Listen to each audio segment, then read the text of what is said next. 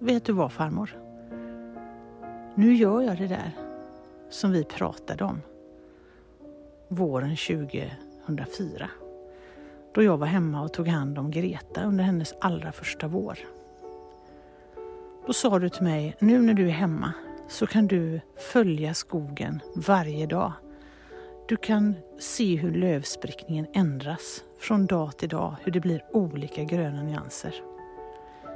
Och jag gjorde det då, 2004, och jag njöt av det.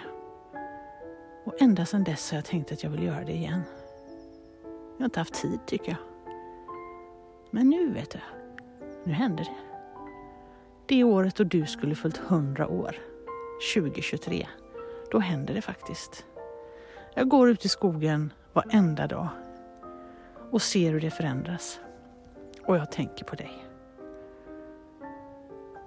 Just idag är det kanske inte så mycket lövsprickning, för idag låter det lite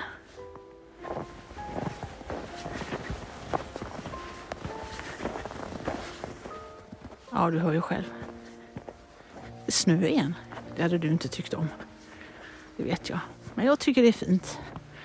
Och det får ju den här lövsprickningsvåren att dra ut lite längre.